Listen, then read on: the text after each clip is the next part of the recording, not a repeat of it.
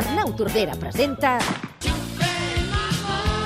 Les pitjors cançons de la història de la música.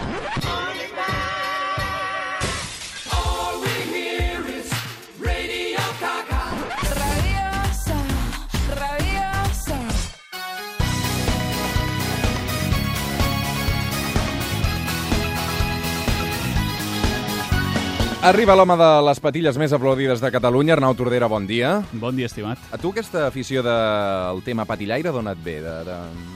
Bé, jo abans portava una melena notable que m'arribava al cul, pròpiament, Mm. i Mm-hmm. fins que vaig decidir fer un canvi radical d'estètica i em semblava que havia d'incorporar algun element capilar, diguéssim, a la Està nova... per veure si aquest canvi d'estètica va ser cap a millor o cap a pitjor encara, eh? Bé, eh, segurament cap a pitjor, però de tota manera interessant, no pots negar-ho. L'Arnau Tordera repassa les pitjors cançons de la història de la música i demanem també aquest any l'ajuda dels oients. Si voleu compartir les pitjors cançons de la història de la música, escriviu-nos a suplement arroba catradio.cat facebook.com barra el suplement i twitter.com barra el suplement. Les pitjors cançons de la història de la música. Avui la cosa va de patilles i topers. Aquest dimecres 16 d'agost, aquest proper dimecres, es compliran, atenció, 40 anys de la mort d'Elvis Presley. I l'Arnau Tordera ens ha suplicat fer-li el seu particular homenatge. Well, I can see that you and yoga will never do. Yoga Aquí el tens, Roger. Elvis Presley en les seves pitjors cançons. És a dir, 40 anys de la seva mort i el millor homenatge que li podem fotre és rajar de tota una carrera eh, d'un artista del rock que 40 anys després de la seva mort encara està a tot arreu. Per descomptat, un, un artista incommensurable, però que, com tots, com tots nosaltres, té alguna, algunes coses lamentables dins de la seva trajectòria. Un dels exemples paradigmàtics seria Mhm. aquesta peça Yoga is as Yoga does, una peça que parla de... Exacte, el yoga. No, no et veig a tu de ioga, no?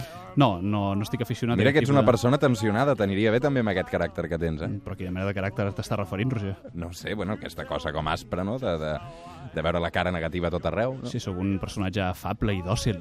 Segurament que sí. Yoga is as yoga das. A veure com sona això. Oh,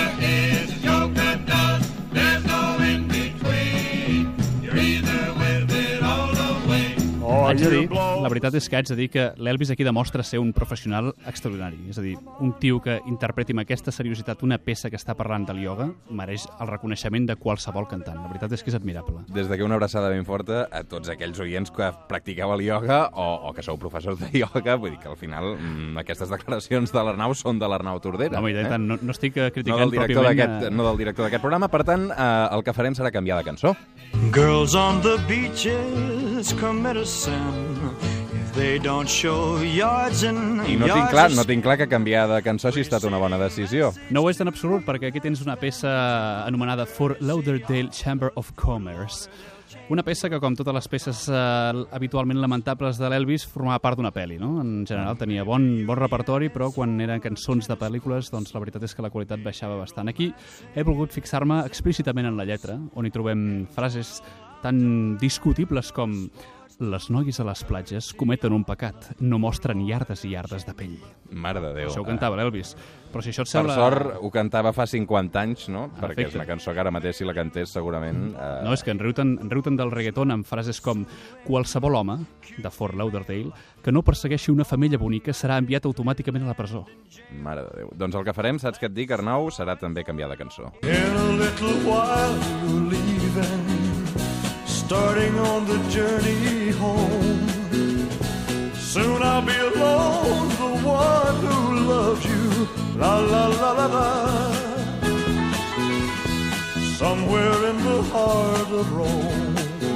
Aquesta ja m'agrada m'agrada més, uh, Heart of Rome, no? Bé, t'agrada t'agrada perquè tu, Perquè sóc un heroi romàntic. et sents atret per coses peculiars, no? Es- Per dir-ho d'alguna manera. És a dir, és una peça que parla de- d'un home que, bé, té una relació amorosa al cor de Roma, Mhm. uh, Heart of Rome, uh, i la qüestió és, el dubte que, que em sorgeix és per quina mena de motiu uh, van decidir que aquesta peça que està inspirada en Roma, que parla de Roma, que parla del centre de Roma, Mhm. té la sonoritat d'una ranxera mexicana. A veure, pugem. In que tens raó aquí, eh? Home, procuro sempre dir coses amb les quals la tingui. Un punt de ranxera, no? Ah, potser explorava altres camins, l'Elvis, en aquest cas. No sé, em sorprèn perquè a l'Elvis se li coneixen uh, versions notables d'àrees d'òpera italiana i, per tant, seria estrany. Òpera italiana, l'Elvis, d'on ho has tret, I això? tant, i tant, no. Té... L'Albert Galzeran, des de l'altra banda de la peixera, m'està fent una cara... Mira que és un home expert en home, un home clàssic, vull dir que no, No, home, en efecte, no tenia coneixement d'aquesta informació. compartim aquesta peculiaritat de, de l'atracció cap a l'univers clàssic. Doncs, en efecte, l'Elvis també la compartia, però, sorprenentment, doncs, no l'aprofitava quan tenia la possibilitat de fer-ho. Com també, eh, com tampoc aprofitava el seu talent per versionar peces com aquesta.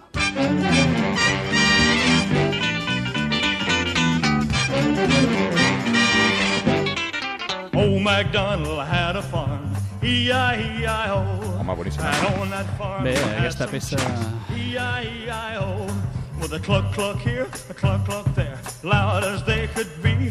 And when El, el gran McDonald tenia una, una granja, no? Sí, la peça, la famosíssima tradicional americana que va arribar aquí amb els títols de En la granja de Pepito i Aiao o també en català, una mica menys gloriosa, a la granja d'en Joan. Sí, és veritat que amb el tema traductors eh, a vegades no hem estat del tot afortunats. Eh? A a vegades ho hem estat, diguéssim. Alguna, alguna vegada esporàdicament es va fer una traducció acceptable. La qüestió és que sembla mentida que un personatge de l'entitat, la dimensió del talent i el carisma d'Elvis Presley, eh, algú aconseguís convèncer-lo per interpretar aquesta nefasta versió d'aquesta peça històrica. La veritat m'ha sorprès bastant. Sí. M- Molt bé. Això es diu uh, All McDonald, per si la voleu recuperar, és de l'any 1967. I acabarem amb un clàssic. Love me tender, love me sweet, never let me go. Tu saps la de històries romàntiques que han començat amb aquesta cançó, la de gent que s'ha enamorat, la de gent que, que, que ha practicat l'amor, que s'han Eh, anat a dormir... Bé, doncs eh, lamento, lamento el ritme d'alguns, en aquest cas, no? Bé, amb aquesta peça del 56, Elvis fonamentava tots els elements indispensables per gestar el concepte de balada. Ancorat per sempre més a la cançó contemporània. Gesta la falsa idea de l'amor musical que tant i tan mal ha fet a la societat contemporània. Jo seré teu. I aquests valors. Jo seré teu. La pertinència i la Això possessió de possessió, sí. a través dels anys i fins a la fi dels dies. La falsa idea de l'amor etern, també. I també fonamenta i, i s'encora en la terrible idea de la cançó temàtica amorosa expressada a través d'aquesta música tendra, dòcil, suau, enganxifosa i infantil. Des de llavors, la música amorosa mai va tornar a ser la mateixa. Love Me Tender, Arnau Tordera, moltes gràcies per haver-nos acompanyat una, una jornada més en aquestes pitjors cançons de la història de la música. Una forta abraçada a tots els seguidors d'Elvis que aquest dimecres suposo que celebrareu Entre els quals m'hi conto, eh, si us plau. aquests 40 anys de, de la seva mort. Aquesta és la llista particular que ens ha proposat l'Arnau. Gràcies! And I always